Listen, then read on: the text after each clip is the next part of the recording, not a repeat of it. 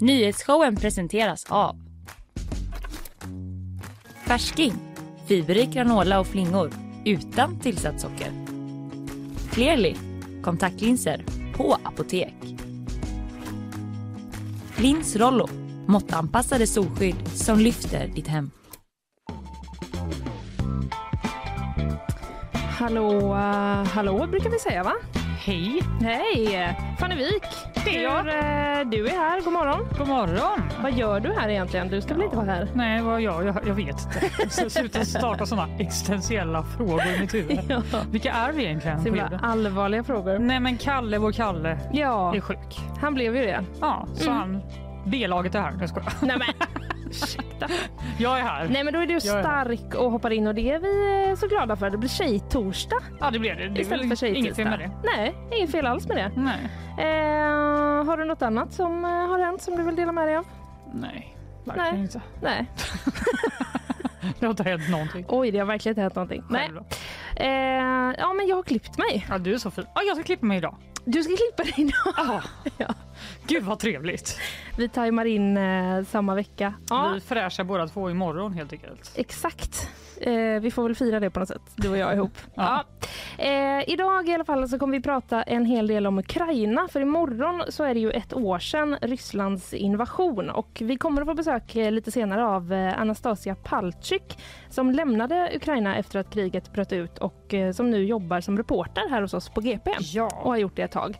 Eh, och sen kommer också Jan Höglund som ju är våran utrikesexpert här på GP.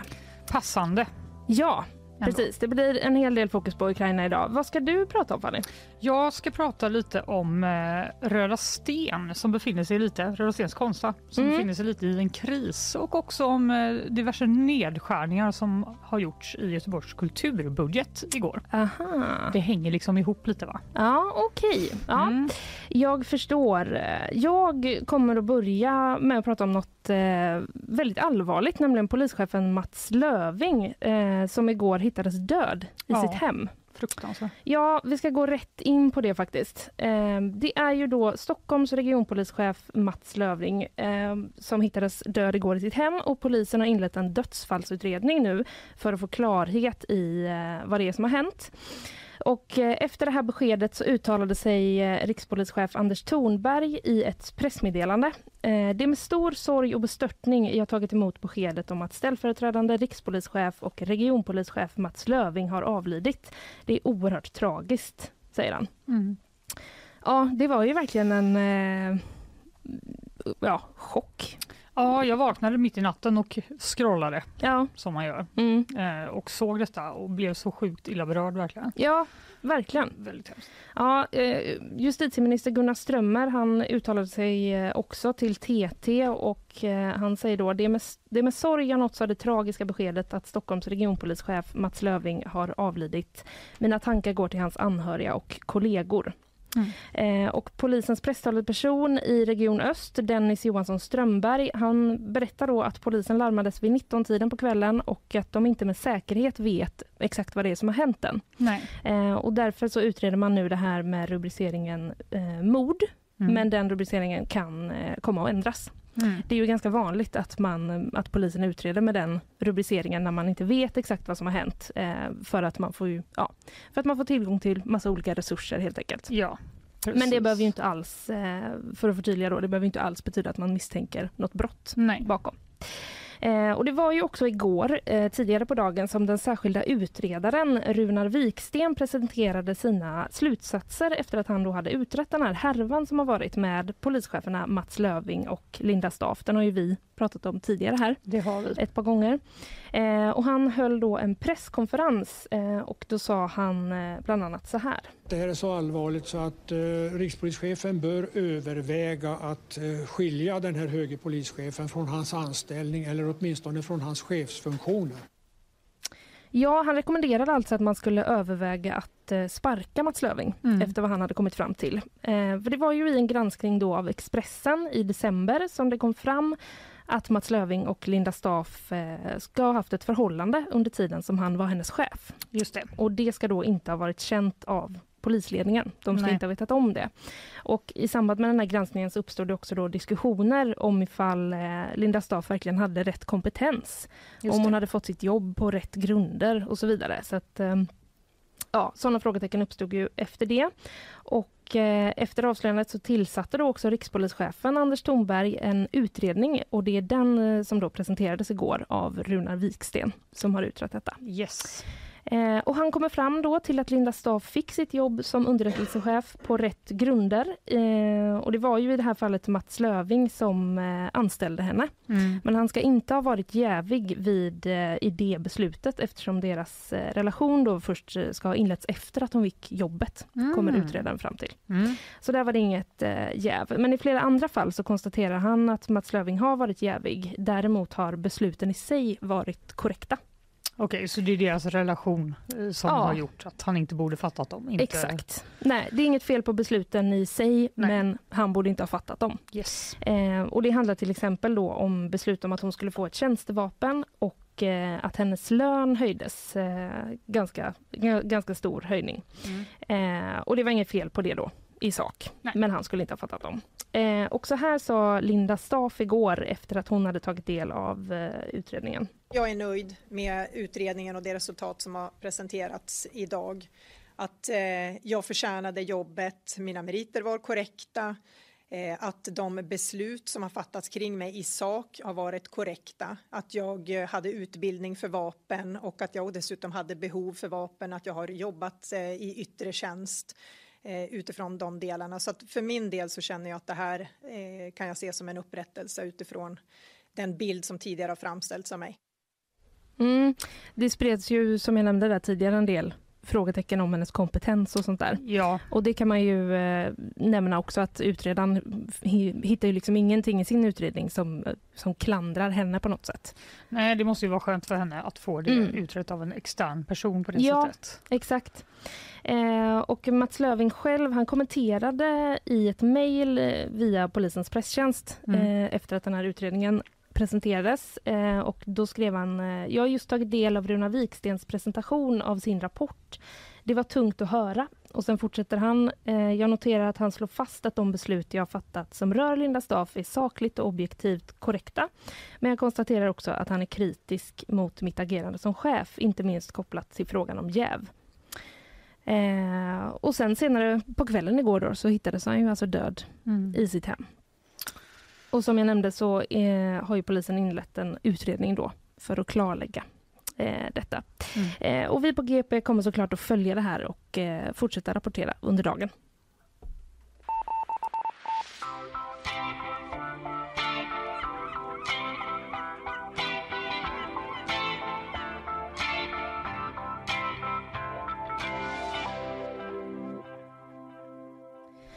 Yes, vi ska få ett eh, nyhetssvep alldeles eh, strax men vi tar eh, och lyssnar på lite sponsorer innan dess. Nyhetsshowen presenteras av Färsking, fiberrik granola och flingor utan tillsatt socker. Clearly, kontaktlinser på apotek.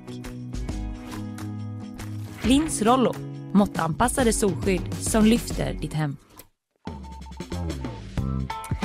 Då så, då är vi tillbaka och en annan eh, stjärna som har tagit sig in är Isabella Persson. Hallå och eh, god morgon. God morgon, det var inte stjärnstatus på den entrén. Krångligt att ta sig upp på stolen. Men att du ens har tagit dig hit idag ska Ja. du ha en eloge för Ja. som du har åkt en lång, lång omväg runt hela stan. Ja. Är det sant? Det var, jag ska berätta lite om varför det faktiskt i svepet men det varit en olycka som gjorde att jag fick ta en Aha. eh, som gjorde, skapade lite problem i spårvagnstrafiken. Men du, det vill man ju genast eh, veta mer om så eh, vi kör igång. Det gör vi. En bil har under morgonen krockat med en spårvagn mellan Stigbergstorget och Masthuggstorget. Både räddningstjänst och polis är på plats men det är i nuläget oklart om någon ska skadas. Det skapar däremot stora störningar i spårvagnstrafiken för linje 3, 9 och 11 som trafikerar sträckan och som får köra andra vägar. Flera personer har dött efter en skjutning i ett bostadsområde i Florida i USA. Den första inträffade på förmiddagen då en 20-årig kvinna sköts till döds i sitt hem. Och senare under eftermiddagen inträffade ytterligare flera skjutningar där bland annat en nioårig flicka dog efter att hon och hennes mamma blivit beskjutna i deras hem. Och även en lo lokal journalist som bevakade händelsen har avlidit efter skottlossningen. En man i 19-årsåldern har gripits men någon förklaring eller motiv till händelsen har inte framkommit. Det kommer att inledas nya samtal med Turkiet om Nato. Detta sa statsminister Ulf Kristersson igår i SVTs Aktuellt. Ett datum är satt, men Kristersson vill i nuläget inte säga mer än att det kommer ske en bit in i mars. Samtalen mellan Turkiet och Sverige om NATO-ansökan stannade upp efter koranbränningen utanför Turkiets ambassad i januari men verkar nu alltså vara på gång igen. NATO-samtal på gång igen. Alltså orkar nästan inte ens. De är av och de är på och de är av och de är på. Eller? Ring mig när vi har gått med eller inte. Jag orkar inte liksom. Ja, men det är väl bra. Det var väl skönt för Ulf. Ja, ja men det får man väl, eh, ja vi får väl se vad som händer. Mm. Ja, vi kommer säkert eh, prata NATO eh, väldigt många gånger fler här Fanny. Vi får försöka stå ut. Ja, ja, absolut. Vi får se. Tidigare har det väl varit rapporter om att tjänsten, på tjänstemannanivå har samtalen pågått. Men mm. på politisk nivå de har varit totalstoppade. Ja. Men nu får politikerna komma in i matchen igen. Ja, det får de göra. Vi fortsätter hålla koll på det här och vi ses lite senare Isabella. Det gör vi.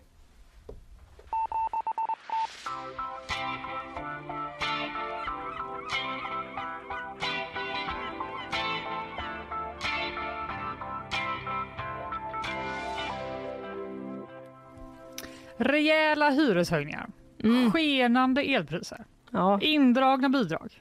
Ja. Nej, jag pratar inte om mitt eget liv. Jag pratar om situationen för Röda Stens konsthall. Ja! Ja, det är lite av en kris som pågår nämligen. Ja. Eh, som GP Kultur skrev om igår. Och de har intervjuat verksamhetschefen Mia Kristensdotter Norman som säger att konsthallen har varit underfinansierad i flera år. Mm. Men vi har lyckats rädda oss kvar med olika typer av tillfälligt stöd. Okej. Det låter ju bra. Mm. Men nu har de här tillfälliga stöden upphört. Aha. Samtidigt som elpriserna som bekant har skenat. Mm. Och ja, den allmänna kostnadsnivån har ökat i stort i hela samhället. Det här har gjort då så att eh, deras budget har urholkats. Mm. Och då, eh, det låter ju jättejobbigt. Eller? Ja, det gör det ju.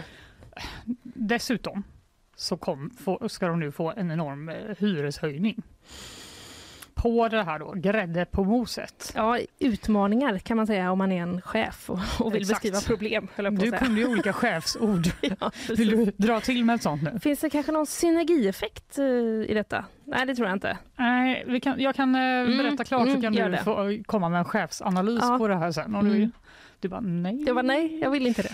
Nej. Eh, så här är det då. Konsthallens fastighetsägare, Stadsfastighetsförvaltningen, de har aviserat att de ska få en hyreshöjning på en miljon kronor. Det låter ju vansinnigt mycket. Nu, det låter ju jättemycket. Nu vet vi inte vad deras hyra är idag. Nej. Men det framkommer då i den här artikeln att eh, Mia Kristensdotter Norman, eh, alltså verksamhetschefen, säger att det här eh, hotar hela konsthallens verksamhet. Mm. Så det är uppenbart att det är en stor höjning även för dem. Mm. Eh, och för att minska sina utgifter så måste de nu då göra olika åtgärder. Bland annat kommer de att hålla stängt på måndagar och tisdagar och de kommer också att ta bort olika konstpedagogiska besök som de har erbjudit till Göteborgs förskolor och skolor. Mm -hmm. Typ att barn kan komma dit och mm.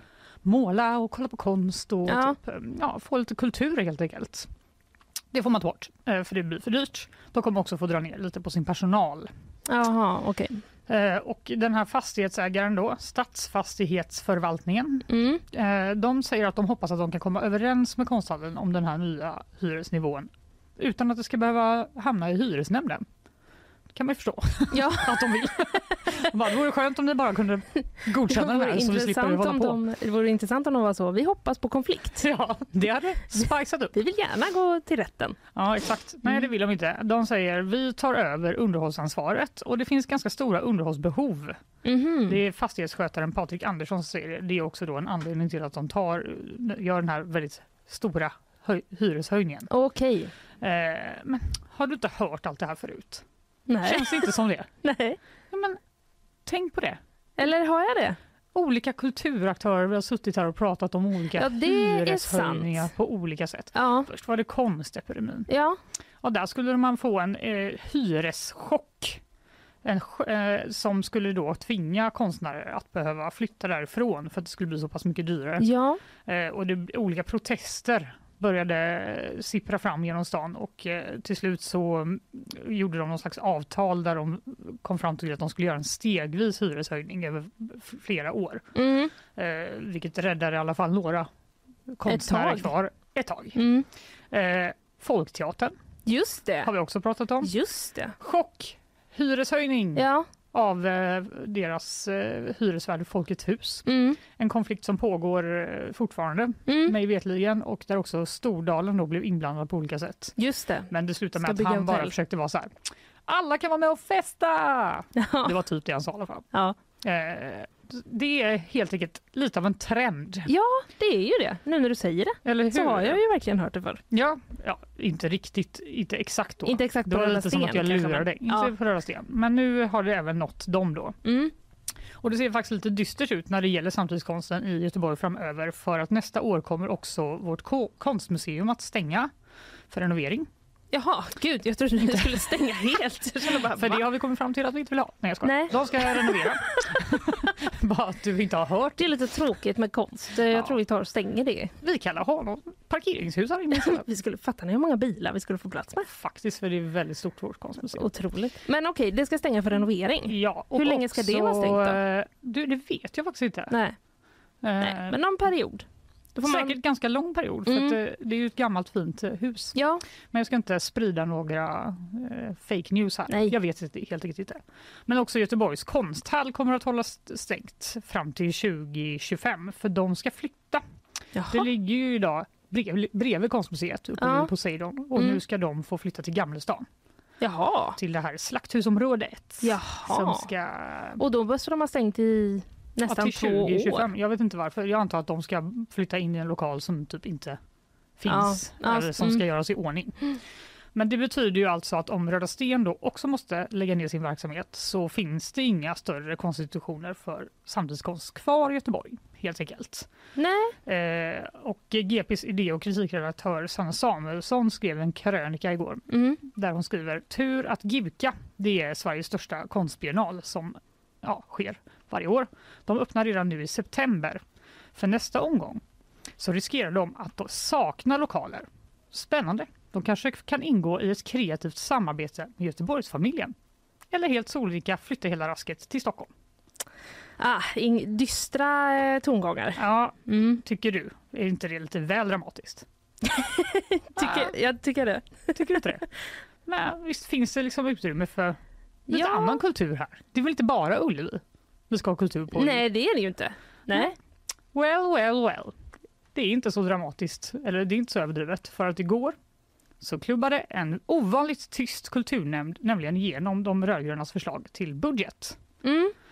Den budgeten innehåller besparingar på 15 miljoner, bland annat på kulturstöd och inköp till stadens bibliotek. Mhm. Det kommer innebära att vi typ behöver frysa alla nya inköp av böcker till biblioteken. Inga nya böcker? I, i princip. Okej. Ett fåtal. Aha. Kan inte specificera hur många, Nej, men vi kommer helt det finns väl inte... en risk, eh, kanske nu spekulerar jag, att det blir så deckare då som de fortsätter ta in kanske. Och Jag så, vet att det är ju väldigt många som faktiskt lånar böcker på biblioteket. Det Mm. brukar ju vara långa köer till sådana på nya böcker liksom. Ja, så de får väl, eh, ja, det, Slåss kanske. de får slåss om dem. Ja.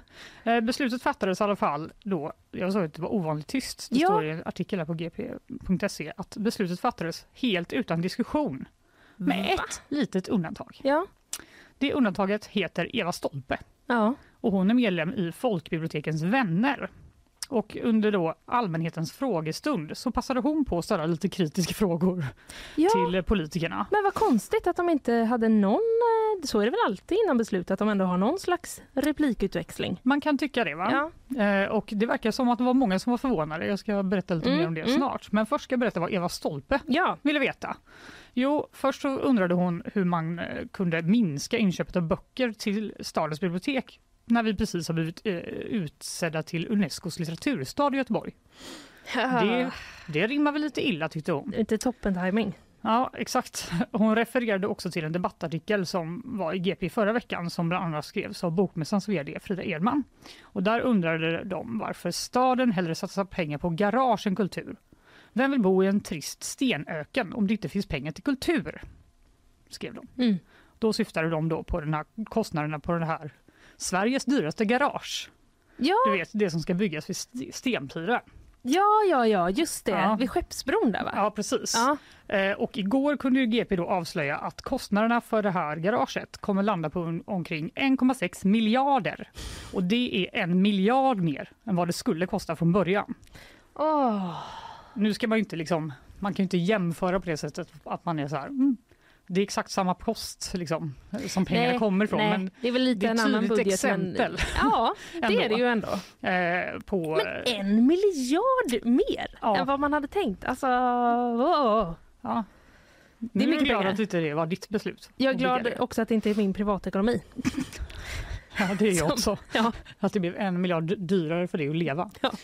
Eh, nej, men det här frågade då Eva Stolpe, vad tänker ni om det? Och då säger kulturnämndens ordförande, socialdemokraten Per Johansson, att de prioriterar välfärden i första hand.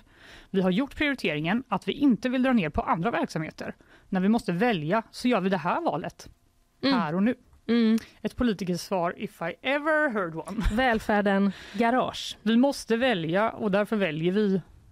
Ja, därför väljer vi det här. Ja. Mm. Eh, och så pratar vi om det här. Vad konstigt att ingen annan sa något. Ja, Jo, oppositionen var ändå där. De är ju då representeras av L, eh, M, eh, C och SD. mm.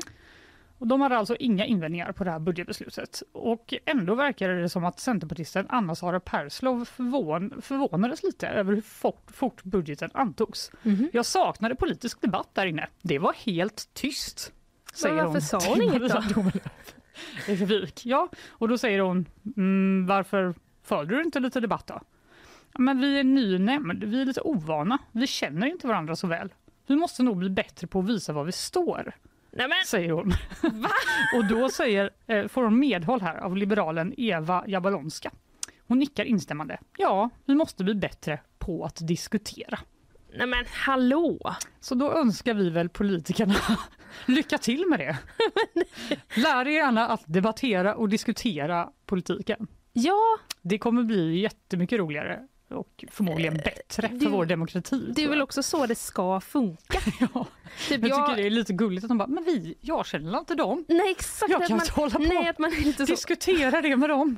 lite osäker. Man Ja. måste, de kanske måste liksom gå ut och äta middag ihop typ, så de kan sen få igång det här klimatet. Ja, men det har vi i och för sig hört att det verkar vara mycket fika och Ja. eh, kakor och eh, kaffe och sånt Ja. när de håller på med budgetar och diverse. Exakt. Så de kanske hade behövt ha lite, lite sån teamwork. Inte? Jo, men de kanske hade behövt hitta på någonting. Mm. Ja. Men nu är det klubbat i alla fall. Nu är Så det var det med den klubbat saken. och eh, ja, så var det med det då.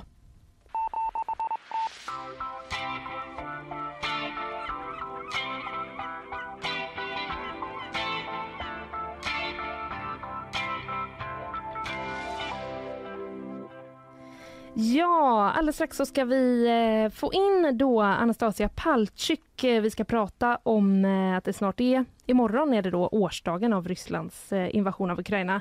Men vi tar och lyssnar på lite sponsorer innan dess. Nyhetsshowen presenteras av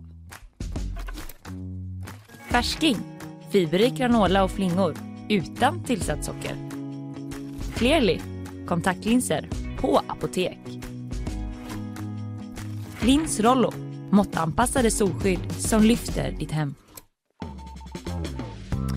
Så där ja, vi tar och eh, lyssnar lite på gingen, släpper in eh, Anastasia och sen eh, är vi tillbaka alldeles strax. Mm.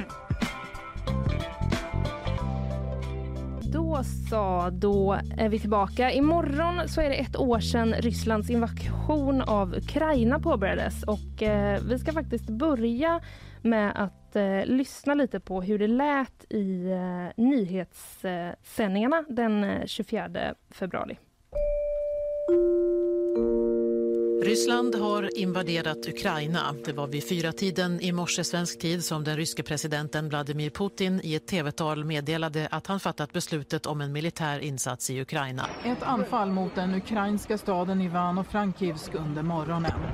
Ett av alla de anfall i det som Ukraina beskriver som en fullskalig attack mot landet. Ja, det som händer nu det är faktiskt att flyglarmet går här i Lviv. Den ryska invasionen av Ukraina är oprovocerad, olaglig och oförsvarlig.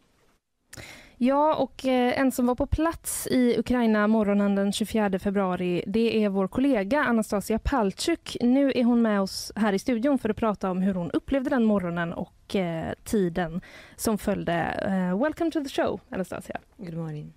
What do you remember uh, from the morning of uh, February 24th last year? Well, I woke up from a unknown call early in the morning. I decided to decline not to bother my boyfriend who was sleeping uh, just next to me, uh, but I was somehow mm, anxious, you know. I didn't know why, so I decided to check the news.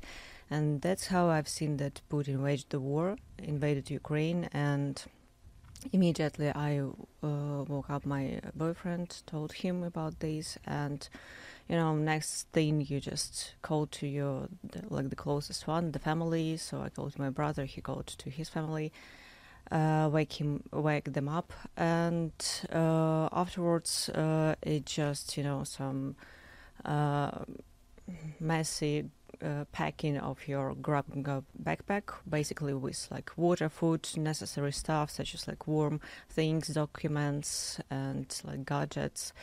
So while we were packing, uh, we've heard first explosions quite uh, nearby, like probably a kilometer or two kilometers away from us. And it, you were in, sorry, you were in Lutsk. Yeah, I was in Lutsk. It was western. it, it is western part of Ukraine. Yeah. So, uh, yeah, like uh, eastern part and Kiev uh, was shelled a bit earlier. So, by the way, I figure out the call was from my uncle who uh, was calling uh, from Kiev. He was asking for some shelter for his family. He had uh, he has some uh, two uh, young kids, so he was pretty sure that Lutsk is a safe place to be.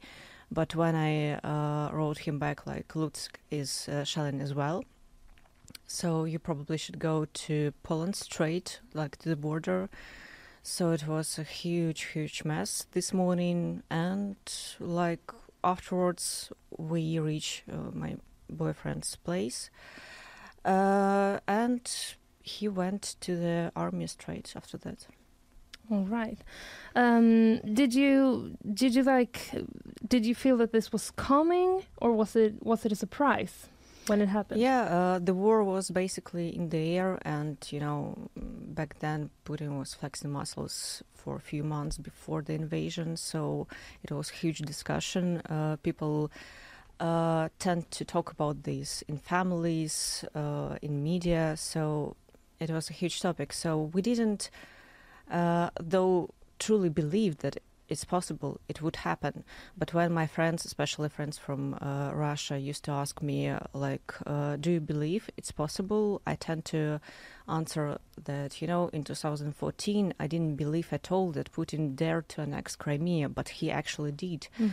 So, you know, I expect anything. And so, nevertheless, I didn't have prepared to grab and go back. yeah. Well, but you were actually born in Russia.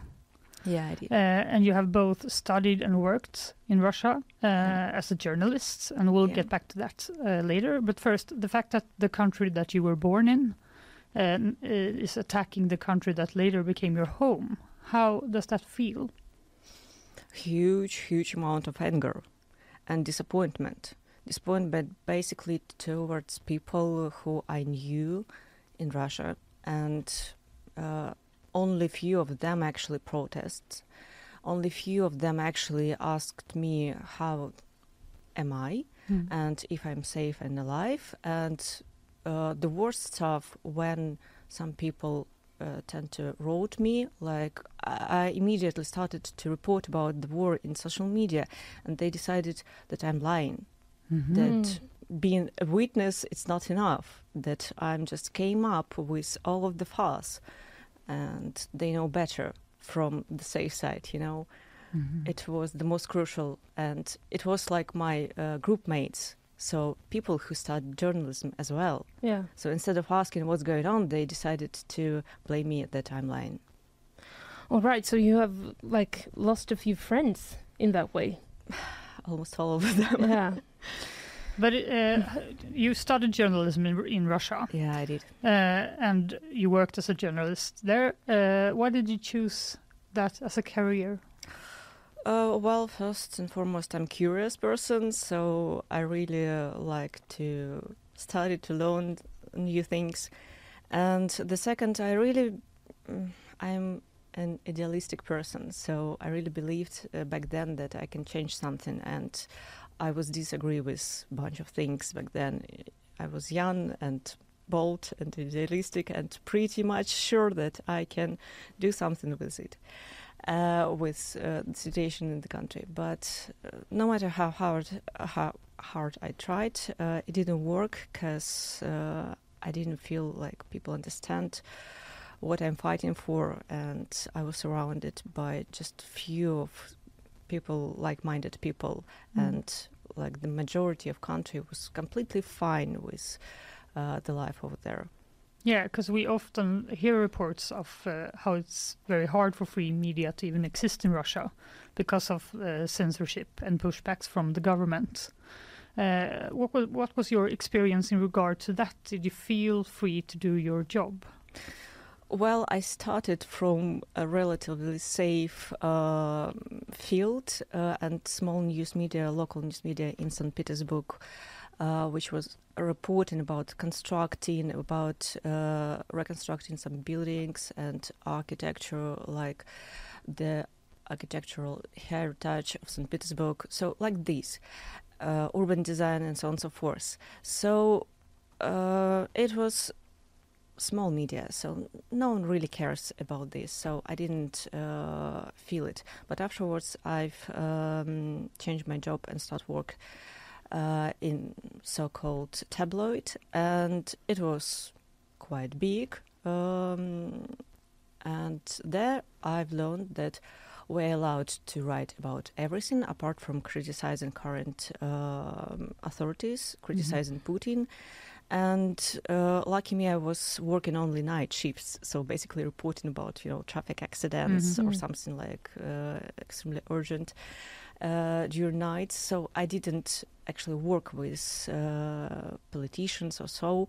So I was like um, on the safe side. But nevertheless, I couldn't work um, as a journalist. Uh, I was so frustrated. After 2014, I decided that I'm gonna quit uh, journalism at all because I felt like it doesn't make any sense in Russia. Mm. Um, so yeah, basically I started to work as a se- SMM manager, like uh, masseuse, and just traveled a lot, like t- to avoid to work uh, with information at all. Mm. Um, so far, I consider it uh, a huge mistake. By the way, I regret it All right. But What now do you're you back regret? the- Sorry. Yeah. that I quit journalism back then. Ah, but now you're back. Yeah. And then you moved to Ukraine. Yeah, I moved to Ukraine uh, in 2019, and I was actually terribly happy to live there. Uh, I felt like home first time in my life, Mm-hmm. so it was great. I felt like I belong, uh, and I used to work as a English teacher in some private school. So basically, I did really great um, job uh, with like telling kids about the world, uh, about the possibilities that they have if uh, they learn English and so on and so forth. So I was actually satisfied with my uh, life back then. What What was it that made you leave uh, Russia for Ukraine? Once again, Why did you leave uh, Russia and decide to live in Ukraine? uh, because I didn't uh, feel that I have any future in Russia, any possibilities. I didn't belong Russia at all, and I was surrounded people who did uh, argue with me, who didn't understand me, and I felt like what Putin do uh, with Russia it's it's horrible, it's a tyranny, it's totalitarian, authoritarian regime, and I uh, didn't feel as a free person that I can live in such surrounding, you know. Mm, all right. Um, but we talked a bit about the morning when the invasion was a fact. Uh, how soon after that did you did you come to Sweden? Uh, I consider quite soon. Uh, so the invasion happened almost a year ago, and 20th, I guess, of um, yeah, 20th of March, I crossed the border, and I appear uh, not long ago in Sweden. Mm. Mm. All right, and now you work uh, here with us at the Göteborgs-Posten as a journalist, um, and you work with the stories about the situation in Ukraine. Uh, but what what is it like to do the news about the war from here? Um, for first, I feel privileged that I have this possibility to work in international media and tell about Ukraine from uh, the perspective of person who lives there, who belong to the nation. And for the second, it's quite uh, tough sometimes to trust, to gain the trust of people who you interview. So they don't see you, they don't know who are you, and uh, if they can actually tell uh, the, the whole uh, truth about what they've been through. Mm-hmm. So this is quite tough moment. But apart from this, I think uh, I have really good opportunity to tell about uh, things. I have at least safe place, and I have quiet nights. So back then in Ukraine, you couldn't actually hope that you will sleep the whole night long, peacefully and quietly because of fire rate alerts and possible shell, uh, shelling. So I spent uh, quite a few nights totally in uh, in a bomb shelter. So it's not the pleasant uh, experience. Um, so. Mm. Well, the invasion has been going on for a year now, and do you think it will go on for another year, or? I don't believe it's gonna end soon. No. What are your uh, your hopes and wishes for the future? Victory to Ukraine, of course. Uh, what can I say? And I feel like uh, Russia, the great threat for Europe, for the world right now, uh, this is gonna change crucially after this war. So hopefully, uh, or rather, uh, Russia will change. Truly speaking, I don't believe that uh, Russians will change their mindset that we, all of us, actually uh, are enemies for them. They truly believe in this. Not all of them, of course, but the majority. Or being careless, totally careless, which is dangerous because they could be, you know, uh, guided to any other totalitarian regime as well. Mm. So I don't know. There are some talks about collapsing of Russia, and I tend to believe in it, uh, despite the fact, yeah, it's going to be crucial for people, and it it's going to be a huge crisis. But you know, empires won't uh, live long, one by another. Mm. All right. Thank you so much, uh, Anastasia, for coming here and telling your story. We really uh, appreciate it. Thank you so much for invitation. Det här är så allvar.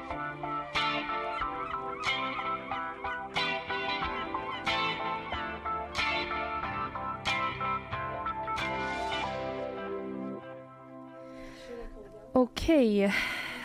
Ja, Fanny, vi eh, ska fortsätta på eh, att prata om eh, Ukraina. Janne Mm. Höglund, vår utrikesexpert, är på eh, ingång om en liten Ja, stund. här kommer han. Ja, vi ska ta lite sponsorer eh, innan dess, så hör vi från Janne alldeles strax.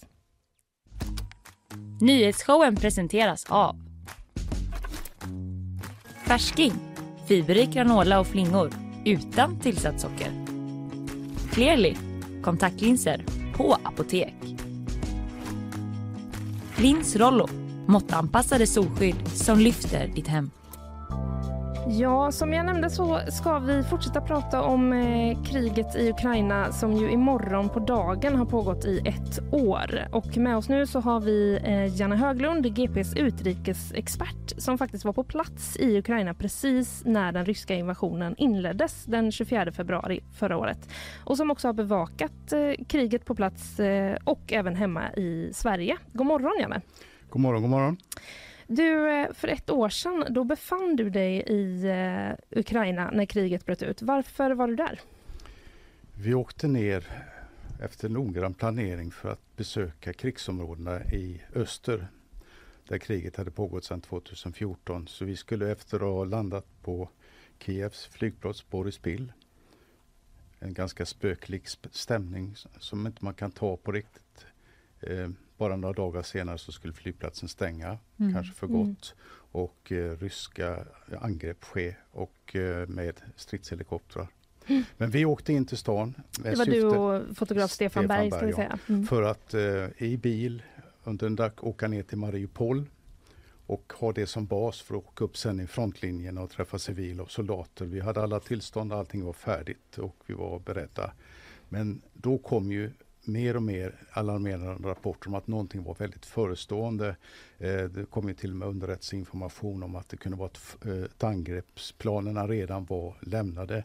Man hade också rapporter om att till exempel blodbankar flyttats till eh, frontlinjen och det tyder på att då är någonting förestående. Och det är inte långt från den belarusiska gränsen ner till eh, Kiev så att vi valde helt enkelt att eh, avbryta den resan till Mariupol. Mm. Och då befann er på, var befann ni er någonstans? Vi var alltså i eh, Kiev de mm. första dagarna och eh, gjorde reportage. Vi träffade folk som tränade i skogarna och i eh, frivilliga, besökte skyddsrum, träffade krigsveteraner och, och så vidare. Vi var med på dagliga eh, ceremonier de har för do, eh, det senaste dygnets dödsoffer i kriget och så vidare. Mm. Men när spänningen steg till den grad att flygplatser stängde och vi var ju tvungna att liksom också tänka på hur ska vi kunna ta oss ut. Mm. Och det är bara landvägen som gäller så vi tänkte att vi åker till staden Lviv i västra Ukraina och avvaktar och ser vad som händer. För där har man ju bara sju mil upp till gränsen ändå till Polen så det är mm. i alla fall en reträttväg om någonting mm. skulle hända. Så vi var alltså i Lviv Mm, för när ni åkte ner, då, då åkte ni till ett land som visserligen befann sig under hot, men det var ju inget liksom... Det var ju ett krig som pågick sedan mm. åtta år, i, mm. framförallt i östra delarna i så kallade Donbassområdet. Mm. Och, eh, eh, det är ett blodigt krig. Det krävt kanske 13-15 000 döda under mm. de här åren. Men eh, det som eh, vi vill göra det är verkligen se hur är det att leva i de här förhållandena, både som civil naturligtvis och som soldat, för att få en bild av detta. Vår tanke var väl inte då att vi skulle hamna mitt i det värsta kriget i Europa sedan andra världskriget. Nej. Nej, men för hur var, ni vaknade ändå upp i ett land som var under attack. Mm. Hur gick liksom tankarna och känslorna hos er då? Jag såg faktiskt inte mycket den natten mot den 24 utan jag lyssnade faktiskt på Putins tal som var förinspelat. Mm. Där han tillkännagav att den militära specialoperationen hade inletts och då inser man ju direkt att nu är det här igång. Mm. Eh, när man är journalist så börjar man ju med att tänka i journalistiska banor, skriva. Så jag satt och skrev en analys tidigt på morgonen för att lämna till tidningen. Eh, men efterhand så blev situationen i dagsljuset. Flyglarmen började. Eh, folk var ute på gatorna och tittade på sina mobiltelefoner. Eh, köerna växte framför butiker, mm. apotek, bankomater. På andra sidan gatan, snett ifrån vårt hotell, eh, hade unga män köat sen tidig morgon och det var en vapenbutik. Man skulle alltså skaffa mm. vapen. Eh, att hamna i den här situationen är en väldigt konstig känsla. Va? Eh, eh, jag har ju under årens lopp bevakat krig och katastrofer på många håll. Och, men att plötsligt vara fånge i denna situationen. Känna det att även om jag kan lämna landet kanske, så vet jag ju inte. Mm. Vi eh, blir ju fast som alla andra och, eh, i den här krigssituationen och då var vi ju ändå tillfälliga besökare förhoppningsvis. Mm. Eh, andra människor var ju verkligen fångna i denna situation. Men det måste varit speciellt också, tänker jag, att eh, ha en del av dig som är journalisten och sen en del av dig som också är bara en privatperson som, som hamnar i det här. Var det liksom svårt att, att ha dem samtidigt? Svårt är det nog inte. Eh, Mm.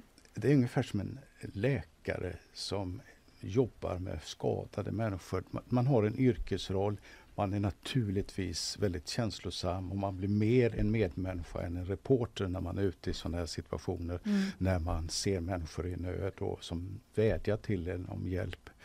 Samtidigt så är det, finns det ju en yrkesroll i det. är ju viktigt i sådana lägen att vara närvarande och rapportera via oss, via andra medier om vad som verkligen händer. Och det är det som är styrkan med att finnas på plats i sådana dramatiska situationer. Att vi med egna ögon, egna sinnen kan rapportera om vad vi faktiskt ser, vi faktiskt hör, Mm. inte vad andra gör. Ni gjorde ju väldigt mycket väldigt bra journalistik därifrån. Är det något som du minns extra mycket idag när det har gått ett år? Det är många människor man tänker på som man har mött. Mm. Eh, jag tänker på en liten kille som var tio år som eh, vi träffade på ett, eh, eh, ett kloster i västra eh, Ukraina där han, och hans mamma och syster hade fått en tillflykt. Mm. De kom från Mariupol. Mhm. Och eh, kvar där nere var deras pappa. Han var soldat och instängd under belägring i det här stålverket i Azovstal som det rapporterades så mycket om. Mm. Dagliga attacker.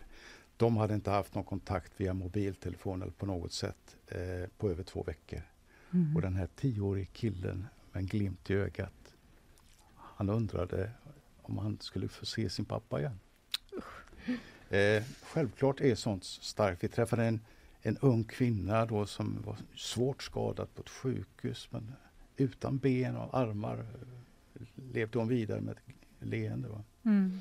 Eh, alla dessa människor man träffar, krigsoffer som berättar historier som just i det ögonblicket känns väldigt exotiska, nästan främmande, nästan verklighetsfrämmande. Men det visar sig att det här är faktiskt vad de upplevt. Mm.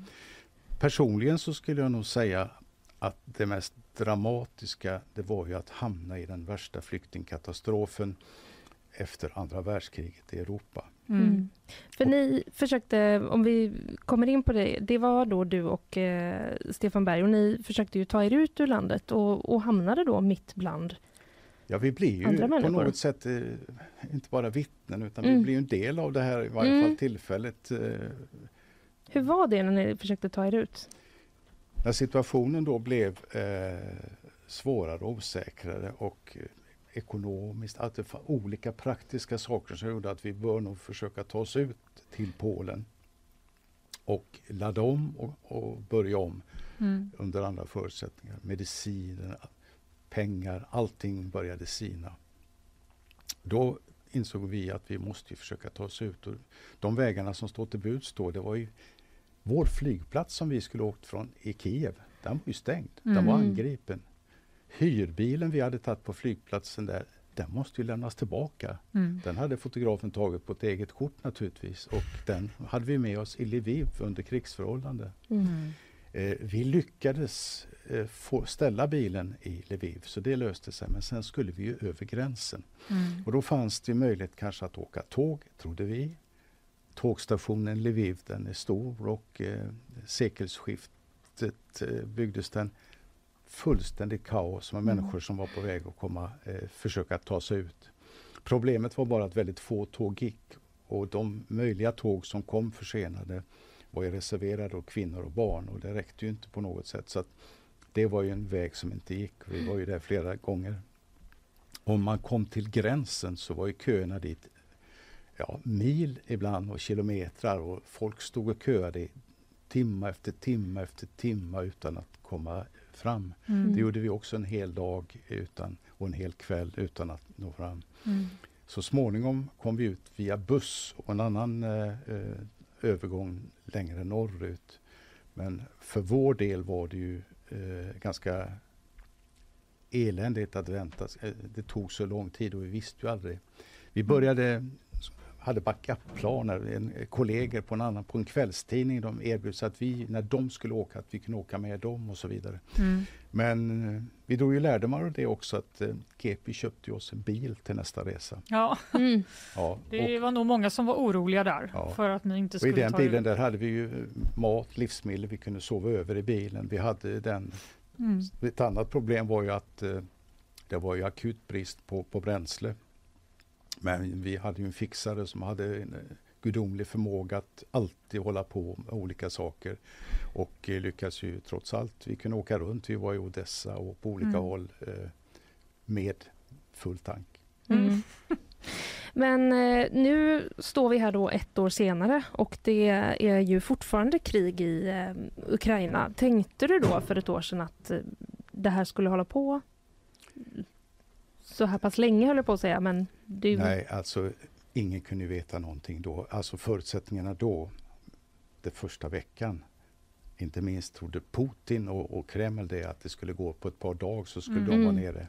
Och som ni minns så kom det ju, laddades en stor offensiv från uh, Belarus med en, uh, en fullständigt kaotisk kö av stridsfordon som är över fem mil lång. Det.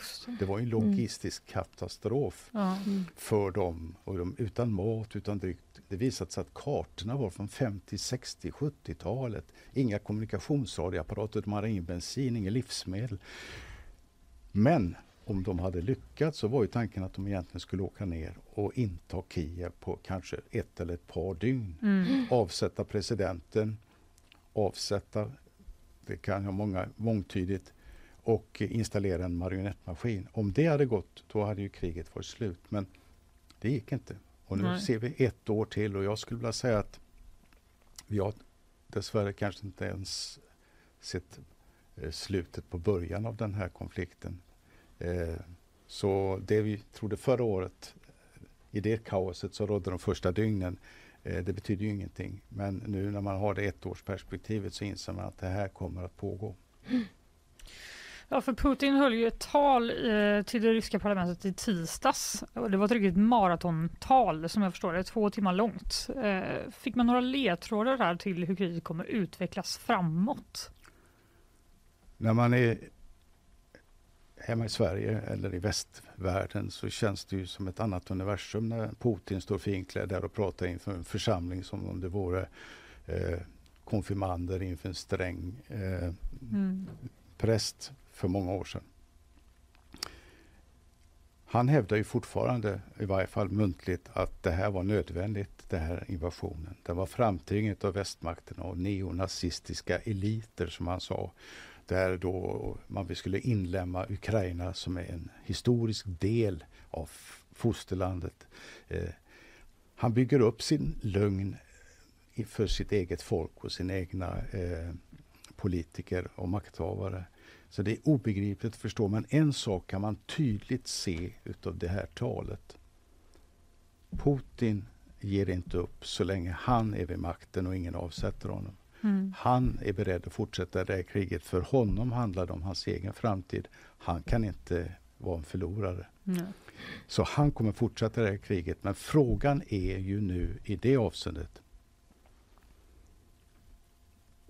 när nås smärtgränsen i väst? Mm. När blir det stora stödet ekonomiskt politiskt till Ukraina när når smärtgränsen? Går det vid nästa amerikanska val? Mm. Går det redan nu? Igår sa en talesman för Viktor Orbán i Ungern att de vill se en, en vapenvila och fredsförhandlingar. Mm. Och det där går ju aldrig Zelensky med på. Nej. För att det blir ju en kompromiss som innebär att man lägger man pausar kriget. Det kan dyka upp när som helst. Så det ser rätt ganska hopplöst ut just mm. nu. Mm. Det har ju pratat mycket om att eh, Putin vill ha tydliga framgångar att visa upp och kanske särskilt så här runt årsdagen. Hur Har han några sådana han kan visa på? Där det är som värst markstrider är ju kring en liten stad, en, en eh, eh gruvstad som heter Bachmut som ligger på gränsen mellan eh, frontlinjerna så att säga. Staden hade en gång 70 000 invånare. nu är det kanske 5 000 kvar, kanske färre. Eh, staden har ingen strategisk betydelse egentligen, men den har symbolisk betydelse. För kan man visa upp att man intar den så kan man säga att titta, nu har vi äntligen vänt, nu har vi en framgång. Mm. Men istället ser vi en splittring inom på den ryska sidan. Wagnergruppen, den här fristående gruppen, kritiserar ju den ryska eh, försvarsledningen för att inte ge dem tillräckligt med vapen. Så det är liksom intern splittring samtidigt mm. som man inte har några konkreta framgångar på stridsfältet just nu. Eh, så de här segrarna som han måste visa upp, som han vill visa upp, det kommer han inte visa upp. Han har satt som ett mål, Putin, att eh, Donbass ska vara i våra trygga händer under mars månad. Mm. Och det, i det ligger väl att de, viktigaste, de närmaste månaderna blir ganska viktiga för fortsatta krigets utveckling nu. Ja, för vi har ju pratat tidigare med dig om skicket på den ryska armén. Att mm. det är brist på material och det är brist på utbildning. Finns det någonting som tyder på att det kan ändras? Att de, den stridskraften, den ryska stridskraften kan öka? Eh, Ryssland är ju ett väldigt stort land. Det finns inget större land. De har 140 miljoner invånare. Det finns mycket naturresurser och fortfarande är det ju faktiskt så att Putin är ju väldigt mån om att pensionerna ska betalas ut, att löner ska betalas ut, att det mm. finns ett socialt nätverk fortfarande, att landet fungerar. För om det, pengarna till det skulle sina, då får han problem på hemmaplan. Eh, de har ju nu kanske mobiliserat ytterligare 150 000 man som är redo att gå in i eh, Ukraina utöver de som finns där. Men man vet ganska lite om vad egentligen, vad har de för teknik, vad har de för, dragit för lärdomar, vad har de för möjligheter att komplettera all den utrustningen som har förstört, det vet vi ingenting om.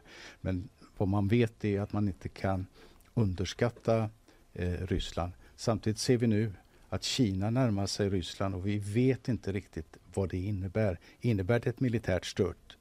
Det varnar ju väst för. Mm. Men ekonomiskt utan tvivel. Och det finns länder som Kina, Indien, Iran och även andra länder som eh, Ryssland fokuserar nu för att få en fungerande ekonomi, kunna sälja olja och så vidare. Och också kunna köpa vapen. Det har man gjort från Iran till exempel, drönare.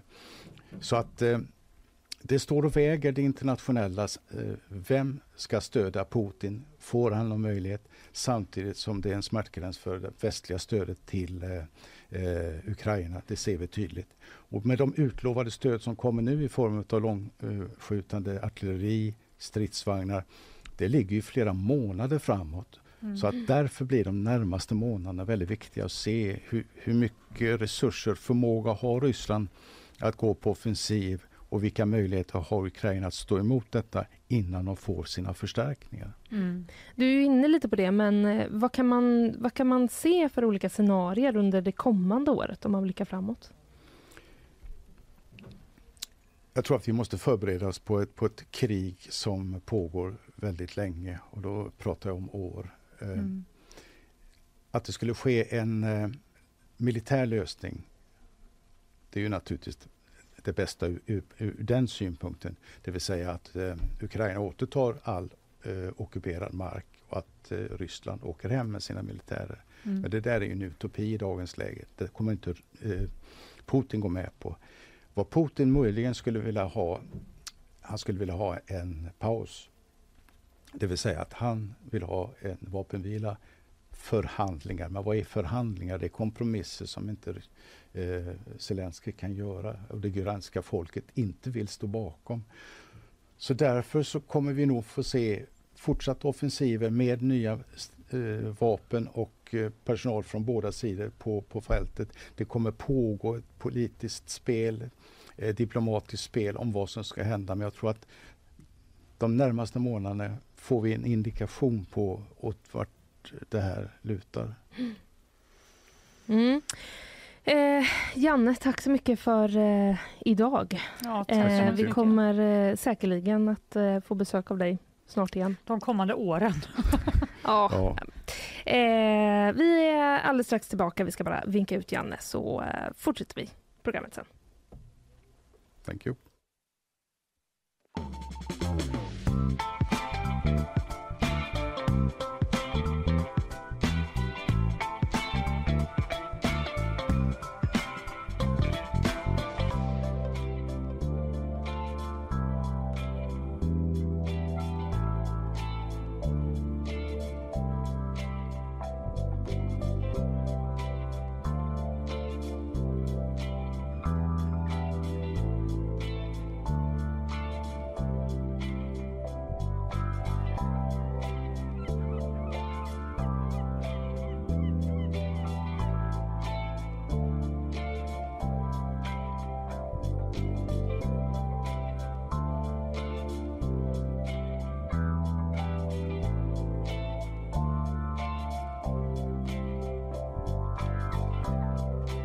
Ja, Fanny. Ja, vad ska man säga egentligen? Jag känner mig helt eh, mörbultad. Man gör det. Faktiskt. Mm, men men det- eh, sånt här ska vi också prata om. Det ska vi absolut. nyheter. Ja, och då är det ju väldigt bra att vi har eh, Janne och även Anastasia här. Ja, verkligen. Som vi kunde få prata med lite grann. Nu har Isabella Persson tagit plats eh, på våran gäststol. Hallå! Hejs. Du, eh, jag tycker inte vi eh, drar ut på det här så mycket. Utan kör. vi kör igång. Yes. Ska vi se. Nu kör vi igång. Stockholms regionpolischef Mats Löving har avlidit. Det var vid 19-tiden igår som polis larmades till hans bostad men hans liv gick inte att rädda. Lövig har den senaste tiden fått stor medial uppmärksamhet efter utredningar som gjorts om jäv och grovt tjänstefel. Och igår presenterades utredningen som ansåg Löving jävig på åtminstone fyra punkter. Men nu under morgonen har reaktioner kommit in efter beskedet om hans död. Polisförbundets ordförande Katarina von Sydow uttalade sig i P1 Morgon nu under morgonen att hon känner sorg och bestörtning. Justitieminister Gunnar Strömmer beklagar Lövings död och säger att hans tankar går till anhöriga och kollegor. Och Runar Viksten som fick uppdraget att utreda jävanklagelserna kallar det inträffade oerhört tragiskt. Mats Löving blev 61 år gammal. Flera personer har dött efter en skjutning i ett bostadsområde i Florida i USA. Den första inträffade på förmiddagen då en 20-årig kvinna sköts till döds i sitt hem och senare under eftermiddagen ytl- inträffade ytterligare flera skjutningar. Däribland annat en nioårig flicka dog efter att hon och hennes mamma blivit beskjutna i deras hem. En man i 19-årsåldern har gripits men någon förklaring eller motiv till händelsen har inte framkommit ännu. Det kommer inledas nya samtal med Turkiet om Nato det sa statsminister Ulf Kristersson igår i SVTs Aktuellt. Ett datum är sagt ett datum är satt men Kristersson vill i nuläget inte säga mer än att det kommer ske en bit in i mars. I Storbritannien har matvarukedjorna Tesco, Aldi, Morrisons och Asta satt upp gränser för hur mycket av vissa grönsaker kunderna får köpa. Butikerna har den senaste tiden upplevt omfattande inköpsproblem för vissa produkter som odlas i södra Spanien och Nordafrika. Samtidigt som då höga energikostnader gjort det svårt ah, och dyrt att odla i växthus. Köpgränser för kunder har nu införts på bland annat tomat, gurka, broccoli och hallon. Hallonen! De är poppis. Ja. Ja, det var värst. Mm. Det, ja, det kanske Var liksom, skulle kunna eh, hända här med då antar jag. Ja, det skulle Är det en. Brexit-grej kanske? Kanske. Jag vet Ja. inte, de har ju lite andra tullregler och sånt Det nu. har de ju. Mm. Vi får väl eh, helt enkelt eh, fortsätta förundras över det här grönsaks slash bär eh, ransoneringen Ja. som pågår. Eh, tack för idag, Tack eh, själva.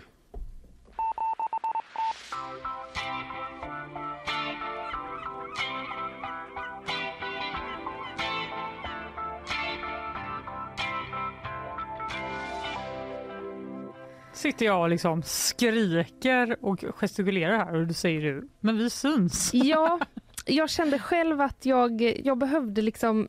Det, det har ju, vi har liksom haft en ganska allvarlig och, eh, och tung eh, start på något sätt. Även om det har varit jätteintressant och viktigt såklart. Mm. Men jag behövde liksom röra ansiktet lite på något sätt. Och så, Det är en sån palettrensare Ja, precis. som bara är att man skriker rakt ut och gestikulerar. Ja, och då kom jag på att vi syns, så då sa jag det som information. Men du eh, Fanny, nu har vi tagit oss hela vägen till bakvagnen. Ja, det har vi faktiskt. Det har vi. Vi får försöka liksom ladda om lite här nu. Ja, men det får vi göra. Ha det lite trevligt här på slutet. Mm. Men eh, jag tänkte ändå börja prata om döden. Okej. Mm. Mm. Så varsågod. Nej, men det handlar ju då om, jag vet inte om du noterade det här igår, men det var någon slags, eh, eh, jag vet inte vad ska jag kalla det? Folk rasade Mhm. över influencers. Och det Ja. händer ju var eviga dag tänkte jag säga. Ja. Men just nu, den här gången var det faktiskt lite speciellt tycker jag själv. Mm. För det är de här influencersarna. Mm. Har vi fortfarande inget ord för vad, Vad det heter heter? det Nej, men jag hade sagt som du. Ja, de har i alla fall valt att göra betald reklam med en begravningsbyrå. Mm. Och det är då tv och poddprofilen Ann Söderlund Hon la upp ett eh, inlägg på sin Instagram där hon sörjde sin bortgångna farbror. Och eh, några dagar innan hade skådespelaren Malin Berghagen lagt upp ett inlägg där hon sörjde sin granne som hade gått bort. Och det kan man väl göra på Instagram? Ja. Det var bara det att det stod i inlägget att det var ett betalt samarbete med eh, en begravningsbyrå då. Det studsar man ju ändå på. Ja, man gör faktiskt det.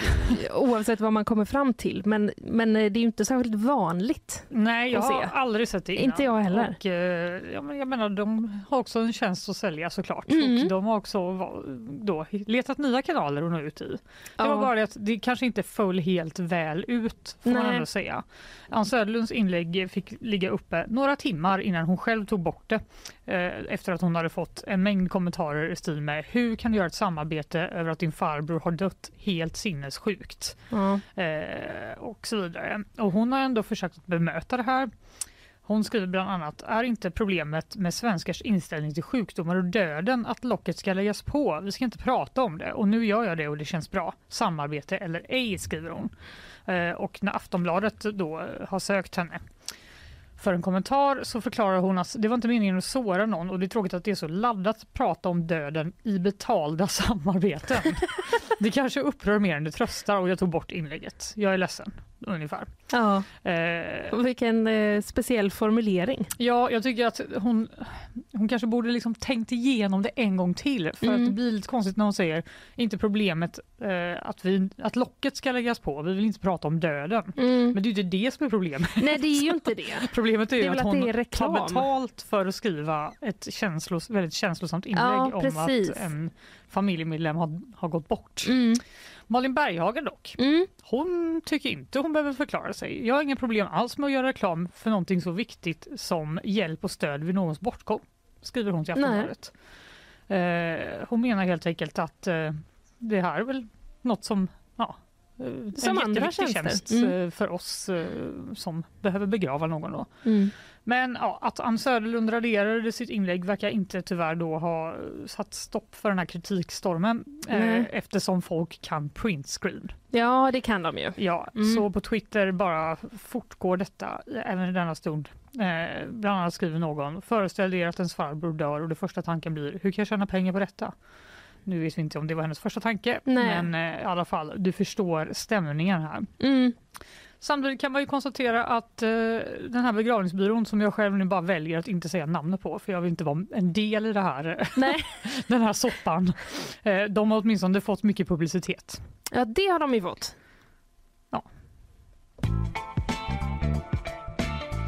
Ja, det är något av det dummaste jag har hört. Det går fort i eh, radio, höll jag på att säga, sa jag eh, och I försökte livet. ta en klunk, men det hann jag inte.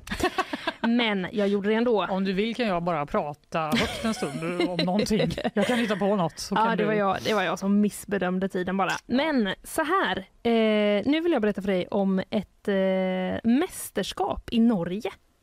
Okej. Mm, och Är det skidor? Det är inte räkorna som du och Kalle Åh. pratade om i måndags. Det är inte dem. Jag kan prata om det lite till om. Men för övrigt kan jag berätta att jag håller på och nu eh, anmäler dig till nästa Nej! år. Nej, jag skojar. Jag skojar bara. Eller skojade jag bara? Ja. Jag vet inte. Mm. Eh, det är i alla fall så här. Emil Berggren är klar för norska mästerskapen i vattenrutschkana. Kul ändå. Gud, vad jag, jag kan tänka mig att åka på det med. Jag med! Är Jag det något en hel turné här. Ja, men är det något mästerskap jag känner mig sugen på så är det nog eh, det här. Det är alltså Emil Berggren som är handbollsprofilen som nu har hittat en ny karriär skriver vi på GP-sporten. Okej. Eh, jag är en ganska teknisk åkare, säger han. Vad betyder det? Ja, är det att man liksom betyder drar det? ner badbrallorna för Det att var få typ extra... det jag tänkte med. Ja, det, ja, precis. Men jag antar att man inte åka naken. Det tror jag inte att det var. Eh, Emil Berggren han lämnade då Partille förra året, sa upp sig från jobbet som sportchef i Sävehof och eh, flyttade med sin partner till lika landslagsstjärnan Jamina Roberts Mhm. eh, för att eh, stötta upp i norska Kristiansand. För att satsa på vattenrutschkaneåkningen tror jag du skulle ja, säga. men, ja, precis. Det var en eh, biprodukt av det här Han kanske. emigrerade, lämnade eh, landet men eh, på sin lediga tid nu när han då tar hand om eh, parets eh, gemensamma dotter då har han börjat den här nya karriären och i lördags så kvalade han in till norska mästerskapen i vattenrutschkana. Okej, så det är först ett kval innan Ja, själva uppenbarligen. Och Ja. det är, är det liksom människor, det är en, människor som bor i Norge som får vara med och tävla då? Det Låter det vet jag inte riktigt. Han får ju uppenbarligen vara med. Vi kan Ja. undersöka sen om du får vara med eller Det är inte. det jag frågar. Mm, mm. Tyvärr har jag inte alla regler. Eh, men det finns en liten faktaruta i den här texten Ja, med tips från Emil om Ja. hur man åker, om hur man åker bäst. Vi, tar dem sen. Eh, men jag vill bara säga också att eh, han säger då att det hela givetvis inom citationstecken började som ett skämt. Men eh, det är två faktorer nu som då har lett till att han har chansen att bli norsk mästare i vattenrutschkana.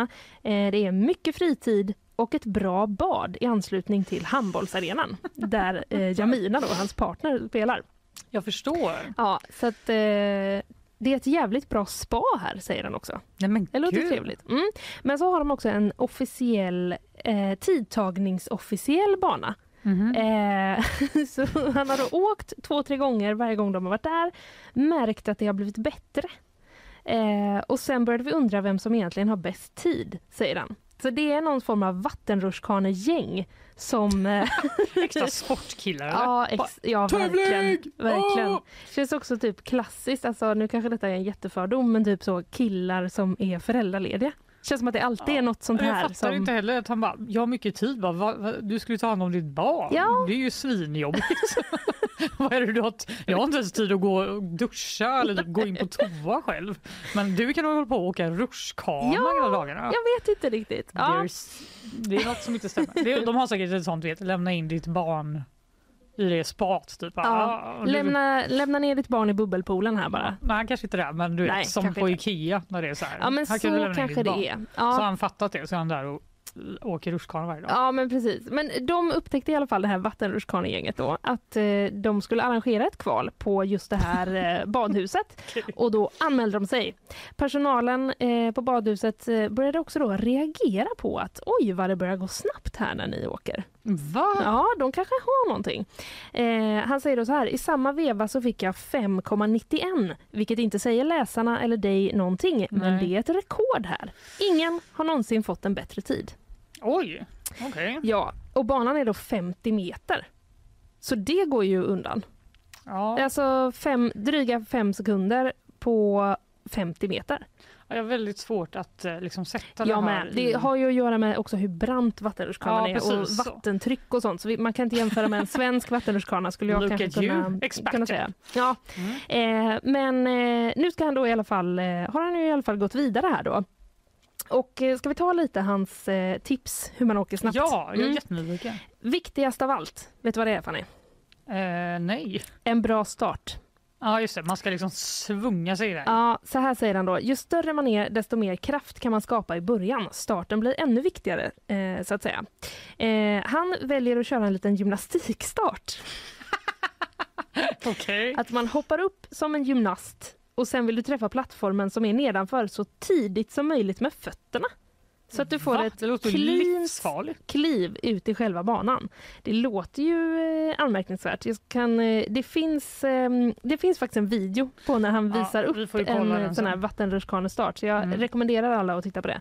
Kanske vi kan eh, lägga den på Instagram. Mm. Men det är i alla fall det. En bra start och, ehm, och sen är det få kontaktytor behövs. Jaha. I, i, enligt Isabella Perssons beräkning Ja. så åker han alltså vattenrutschkana i 30 kilometer i timmen. Du är ju inte så snabbt. Det är väl ändå ganska snabbt?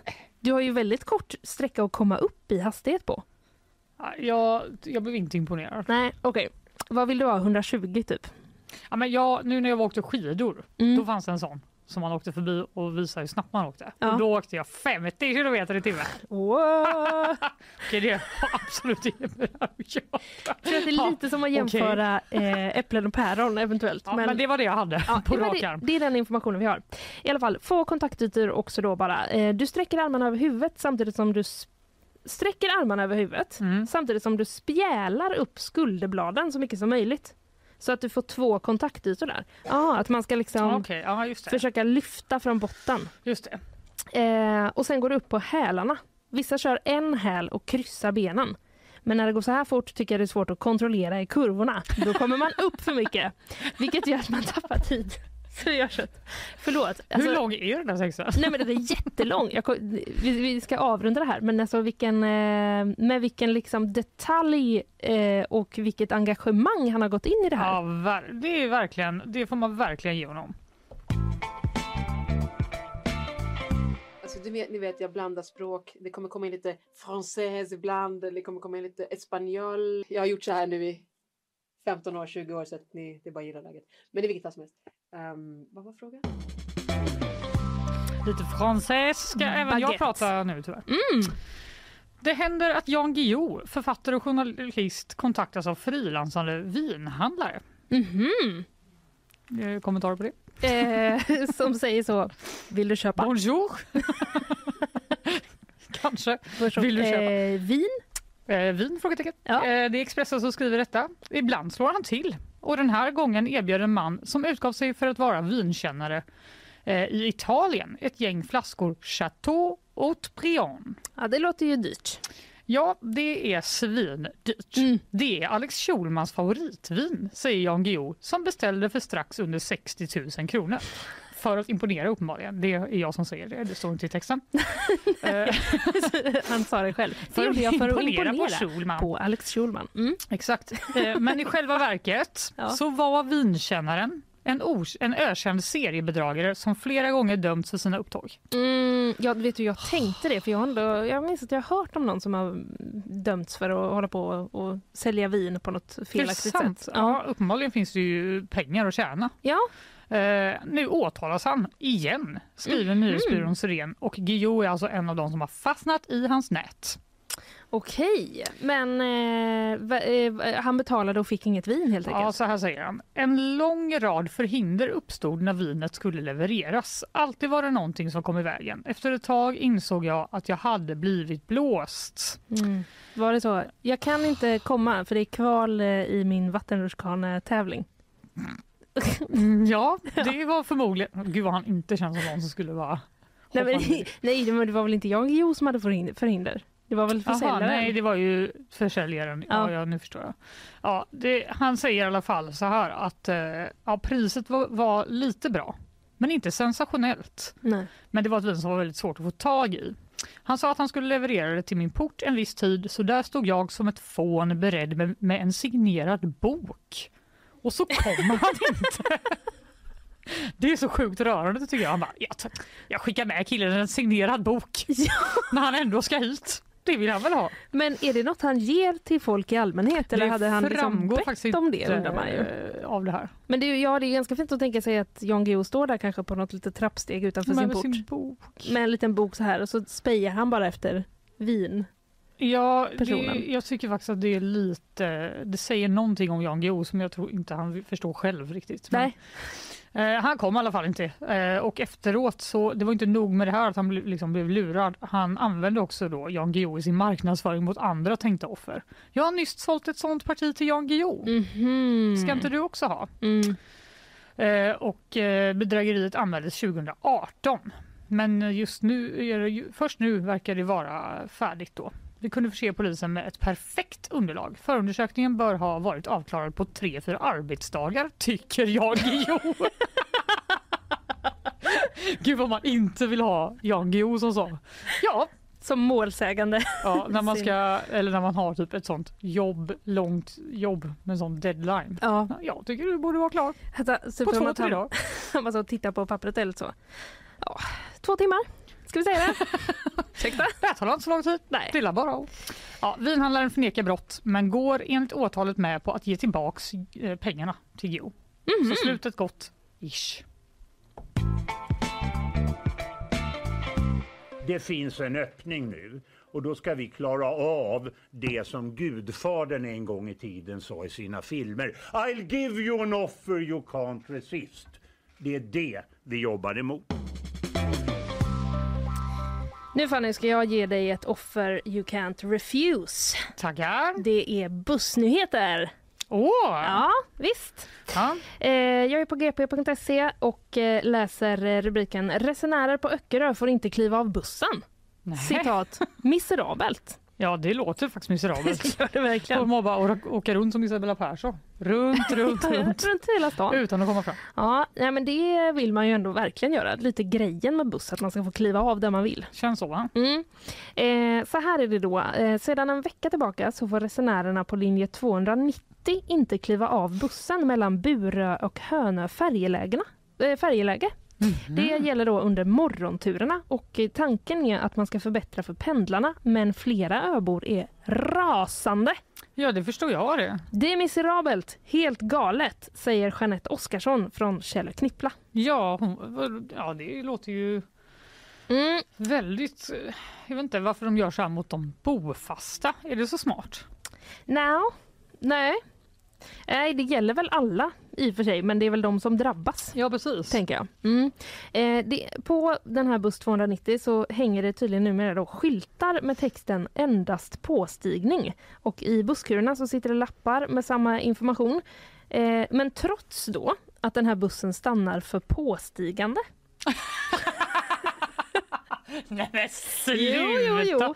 Så tvingas alla resenärer sitta kvar till slutdestinationen. Men vadå, vad gör de om någon bara går av? då? Nej men då är stopp, stopp, stopp. Du får sitta kvar här. Ja, det var det jag- dummaste. ja men visst är det. Så det är ju svårt att tänka sig då att bussen liksom saktar in vid en hållplats som man vill gå av på. Den liksom öppnar dörrarna, en person går på, men du får inte gå av. Alltså jag hade blivit så... Jag hade gått av. Ja, ja. Det är säkert att de bara öppnar framdörren så man måste då typ... Ja men så kan det vara. Ja, för det, är ju, det är ju inte liksom så såklart att någon liksom håller fast den uppenbarligen. men jag kände att jag ville förtydliga det. Så Ja, är det ju ja, inte såklart. Eh, men eh, Jeanette Oskarsson då, hon eh, säger också det här att det är fullkomligt galet, det är sanslöst. Alltså vad håller de på med? Eh, eh, reagerade hon då när hon fick reda på den här eh, nya draget från eh, Västtrafik. Och Mm. Västtrafiks försvar Ja, vad håller de på med? vad är det då? Förbättring för pendlarna som ska med båten. Som ska med båten, heter det. Eh, vi har haft problem med skolelever som åkt någon få hållplats vilket lett till förseningar och att pendlarna missat färjan, säger Ann Garcia Solving, affärsutvecklare på Västtrafik. Mhm. Eh, så det är väl det som är deras Det är tanke. barnen som får skit för det här. Ja, ja, precis. Men det är väl det som är deras tanke då. Ja, att... de tycker man kan gå då, den lilla biten. Mm, de Så hänvisar också till någon annan buss eh, som eh, någon buss som är linje 1 heter den och den går tydligen, där får man tydligen eh, eh, där får man hoppa av och hoppa på fritt. Eh, verkar som. Och hon utvecklar då Ann Garcia Solving och säger att man får två olika erbjudanden. Det ena för de som ska åka en kortare resa och det andra för de som ska eh, komma fram fortare. Okej. De kan liksom ta den här då snabbbussen som det ska vara, men man får ju uppenbarligen ändå gå på. Alltså det är bara det, det är den detaljen. Jag Mm. hade typ mer fattat om det var så här, den här bussen den kommer bara gå liksom till färjeläget. Mm. Om det var så här, den stannar inte emellan. Nej, men det kan ju inte, om den ändå ska stanna.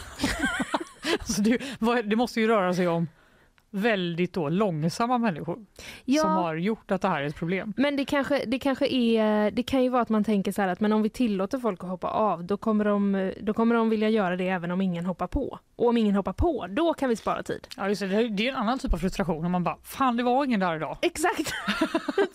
Man får Du bara, får kan du gå ner till hållplatsen för jag vill gärna gå av. Kan du stå där och vinka lite? Man får skicka dit Jan Guillou som Ja. står med sin bok, kan stå och vänta på vin. Bok? Kan du bara stå vid den här hållplatsen så att jag kan få gå av? Han verkar ha tid i och för sig. Det kanske han har. Han kanske skulle vilja vara lite grann i Öckerö också. Det är ju en trevlig ja, det plats. vill jag. En Mm. underbar plats på jorden. Ja, nej men eh, öborna köper inte det här resonemanget. Surprise. Nej. Eh, utan i Facebookgruppen, i en Facebookgrupp då så rasar de. Eh, detta var det sjukaste jag har hört. Det blir Ja. bara mer och mer försämringar här ute angående bussturer, skriver en person. Och helt vansinnigt, skriver eh, en annan. Eh, och sen så är det också då Jeanette som jag nämnt tidigare. Hon eh, köper inte det här med att eh, det, man skulle spara tid med att enbart låta folk gå på. Nej. Eh, så här säger de då. De släpper ju på en faslig massa folk. Det tar ju längre tid. Eh, att ta sig in till Aha. stan är ett helt företag i sig. Det går inte att pendla längre och de bryr sig inte om oss som bor här. Eh, säger Jeanette. Nej, men de Ja. kanske skulle ta och bygga den här bron då? Som det har varit så mycket snack om. Ja, det har jag inte hängt med på. Nej, det är ett, pågår eh, ett, eh, ett lågintensivt krig mellan de som vill ha en bro Mm. från Torslanda till Öckerö Ja. och de som inte vill det. Ja, vi kan i alla fall eh, konstatera att eh, problem, det eh, finns Finns. det gott om. ja. Nu är det dags att eh, avsluta för idag. Vi har ju haft en del liksom, eh, allvarliga ämnen vi har pratat om, men så Ja, det är det har ju ibland. Jag inledde ju och eh, pratade om eh, att polischefen Mats Löving då har eh, hittats död i sitt hem igår kväll. Och det var ju också igår som den här eh, utredningen släpptes om polishärvan som den brukar kallas med Just Mats det. Löving och eh, Linda Staff. Det kan man gå tillbaka och lyssna på om man har missat det. Sen pratade vi också en hel del om Ukraina. Vi hade ju både Anastasia här som, är, som bodde i Ukraina när kriget bröt ut och eh, som numera jobbar här hos oss på GP som Mm. journalist. Och sen fick vi också besök av Janne Höglund, vår utrikesexpert som också befann sig faktiskt i Ukraina när kriget bröt ut. Ja.